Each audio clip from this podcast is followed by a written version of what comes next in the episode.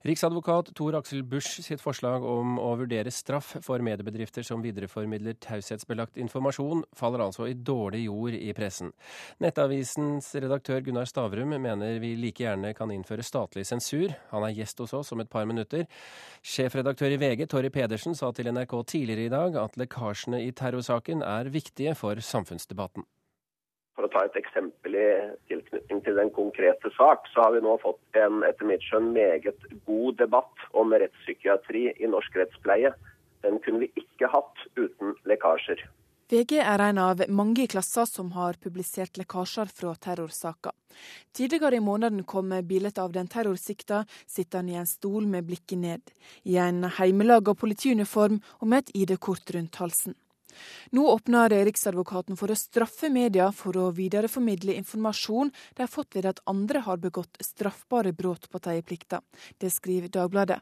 Ifølge avisa tror Tor Aksel Busch at det vil tvinge seg fram en nærmere vurdering av dette, med utgangspunkt i erfaringene 22.07. Media må følge norsk lov, men forslaget til Riksadvokaten er usedvanlig dårlig, mener sjefredaktøren i VG. Han får støtte fra lederen i Redaktørforeninga, Harald Stanghelle gjøre det straffbart å videreformidle eh, taushetsbelagte opplysninger. Det gjør media hver dag ifra eh, politikk, ifra næringsliv, ifra politi, eh, fra ulike deler av, av, samfunnet. Det er en del av den demokratiske prosessen. Det er en del av de ventilene et samfunn må holde seg med. Å gjøre dette til straffbart også å videreformidle, eh, det vil sette oss tilbake. Reporter her, det var Ingvild Ryssdal, og vi har ikke lykkes å få tak i riksadvokat Tor Aksel Busch i dag. Inga Beyer Eng, statsadvokat og aktor i 22. juli-rettssaken. Syns du det er en god idé å vurdere straff for medier som publiserer lekkasjer? Eh, nå har vel ikke Riksadvokaten direkte sagt at det skal gjøres straffbart. Han sier at vi bør ha en debatt eh, etter denne 22. juli-saken for å se på om vi bør regulere dette området eh, som gjelder at media trykker eh, i dette tilfellet da etterforskningsdokumenter som eh, på et tidspunkt hvor vi fortsatt er under etterforskning. Jo da, Men han åpner for å lage et strengere regler, regelverk, som også innebærer strengere avstraffing. Det må vi kunne ja, si. Ja. Men syns du det er en god idé? Jeg vil ikke konkludere med om det er en god idé eller ikke. Det jeg tror er viktig, og som jeg har sagt tidligere også i NRK, er at jeg syns at etter denne saken så tror jeg vi må ta en skikkelig debatt om hvordan ønsker vi at det skal være. Og så tror jeg det er viktig at vi som påtalemyndighet signaliserer ut hvilke problemer vi ser. Hvordan dette gjør saken vanskelig for oss når vi skal håndtere den først under etterforskningen, og så kanskje under rettssaken eh, med og, og, og hvilke problemer er det?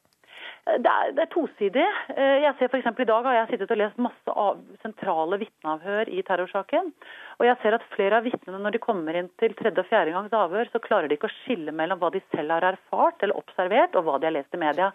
Slik at Det vi da sitter igjen med, det vitneprovet, er altså en svekket verdi, fordi vedkommende ikke klarer å, å, identifisere hva de faktisk husker selv av egne observasjoner, og hva de kan ha tilegnet seg gjennom å ha lest eh, rapporter og Hva er konsekvensen av det?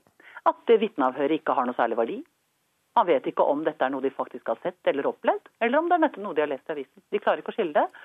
Og Det er jo ulempen med at det trykkes taushetsbelagte opplysninger på et stadium hvor vi fortsatt etterforsker. En ting er da når vi er ferdig å etterforske og saken skal for retten, men nå etterforsker vi fortsatt. og Da er det jo viktig at vitnene klarer å holde fast med hva de selv har erfart, og hva de har lest i avisen. Gunnar Stavrum, ansvarlig redaktør i Nettavisen. Eh, hva mener du om Riksadvokatens eh, ønske? Jeg syns det er et veldig dårlig forslag. Eh, og Grunnen til det er at jeg mener at kildevern er et veldig viktig sikkerhetsventil i et demokrati. Og det at folk kan gå til pressen med opplysninger, enten de er taushetsbelagte eller skaffet vei på annet vis, uten at mediene outer hvem som er kildene, det er svært viktig for å ha en god presse. Men i denne saken, og her snakker vi om 22. juli-saken, så er jo ikke problemet at uh, det er tystere, eller unnskyld, uh, folk som kommer med uh, opplysninger til pressen. Det er jo avsløringer av det de har sagt til politiet, som er lekket til pressen. Ja, og det er klart at eh, det er jo ikke alt som står i, i mediene som er, eh, som er, bra eller vesentlig. Det, det, skal jeg ikke sitte her og si. Eh, men en kostnad med å ha en fri presse og et demokrati er at det både er opplysninger vi liker på trykk, og opplysninger vi ikke liker på trykk. Og det er viktigere enn en hensynet som Riksadvokaten prøver å ivareta. Men, men, er det det det egentlig er snakk om her? Er det ikke snakk om at Riksadvokaten og påtalemyndigheten forsøker å beskytte vitnene sine? Jo, men eh, nå syns jeg ikke akkurat dette er et veldig godt eksempel. fordi at svært mange, i svært mange saker så vil vitner ha lest andre vitners eh, forklaringer for saken i media. Og det trenger, trenger ikke å stamme fra taushetsbelagt materiale. Det kan rett og slett skje ved at mediene har intervjuet vitnene først. Så det tror jeg ikke man kommer til livs akkurat med dette forslaget. Vi har også besøk i studio av eh, Jenny Klinge eh, i justiskomiteen for Senterpartiet. Hva mener du om Riksadvokatens ønske? Jeg er sterkt kritisk til å gjøre det straffbart for media å videreformidle opplysninger, uansett hvor de kommer fra. Men samtidig så tykker jeg at det er en forferdelig viktig debatt som blir dratt opp. Det handler på den ene sida om ytringsfriheten, som media må ha, og, evne, eller, og muligheter media hele tida må ha til å rette et kritisk søkelys på det som foregår. På den andre sida så handler det om rettssikkerhet også, og tillit til systemet under etterforskninga. Og da tykker jeg det er interessant å høre hva media eh, vil gjøre med det, hvis de anerkjenner at det er et problem, noe jeg mener det, så ønsker jeg at media tar en debatt også internt på hva de kan gjøre for, å, for at en ikke skal komme til et punkt der en må gjøre det straffbart for dem. Eh, hvis en skal unngå at de går ut med opplysninger som tydelig kan skade etterforskning, og som ikke er samfunnsmessig nyttig, men som er der nesten, som kommer bare for å sæle, som kan, det kan framstå som. Jeg vil på en måte understreke at det handler om ytringsfrihet Jeg er sterkt skeptisk til forslag om å straffe pressa, men det er et etisk spørsmål oppi det òg, eh, som eh, media må ta en debatt om. Kan det være noe galt i å ta denne debatten, Stavrum? Vi tar jo debatten i den kraft at vi sitter her og tar den, men jeg syns forslaget er dårlig. fordi eh, jeg mener at man kan jeg syns det er helt legitimt i et samfunn å ha taushetsplikt. Jeg syns også det er helt legitimt at brudd på taushetsplikt kan være straffbart. Eh, det er heller ikke slik at Norge har en absolutt ytringsfrihet. Det finnes mange begrensninger på ytringsfriheten i dag, blant bl.a. Eh, rasismeparagrafen, ærekrenkelser, hensynet til rikets, rikets sikkerhet. Så man kan straffe ytringer og publisering, men jeg syns ikke man skal straffe bruken av taushetsbelagt materiale i pressen. Inga Beyer Eng, ser du eh, poenget at eh, det ikke skal være staten i en eller annen form, eller påtalemakten, som skal bestemme hva det er eh, pressen skal skrive om, eller hvilke kilder de skal bruke? Ja, og jeg tror dette er, dette er en vanskelig debatt. og jeg, jeg, hadde vel ikke trodd at media skulle ta imot dette med åpne armer. Men altså, det jeg tror vi ønsker å signalisere nå, er at vi syns dette er sånn som det har blitt nå i denne saken, så har det på en måte gått mye lenger enn vi har hatt det før. Og vi syns at det er vanskelig i forhold til hvordan saken skal håndteres. Og Det skriver seg særlig fra at media har skapt en utålmodighet i forhold til at vi skal vite alt nå. Vi skal vite hva vitnene sier, og det skal vi vite nå. Du vet at Dette skal fram under hovedforhandlingen i de former det er ment å komme fram i. Og Min bekymring her er at folk som har blitt hardt rammet av si da har vært i Akersgata eller vært i nærheten av Høyblokka, har hatt store traumer, kanskje vært innlagt på Sunnaas i lang, lang tid, at de vet nå at i de største avishusene så sitter folk med sensitive personopplysninger om de.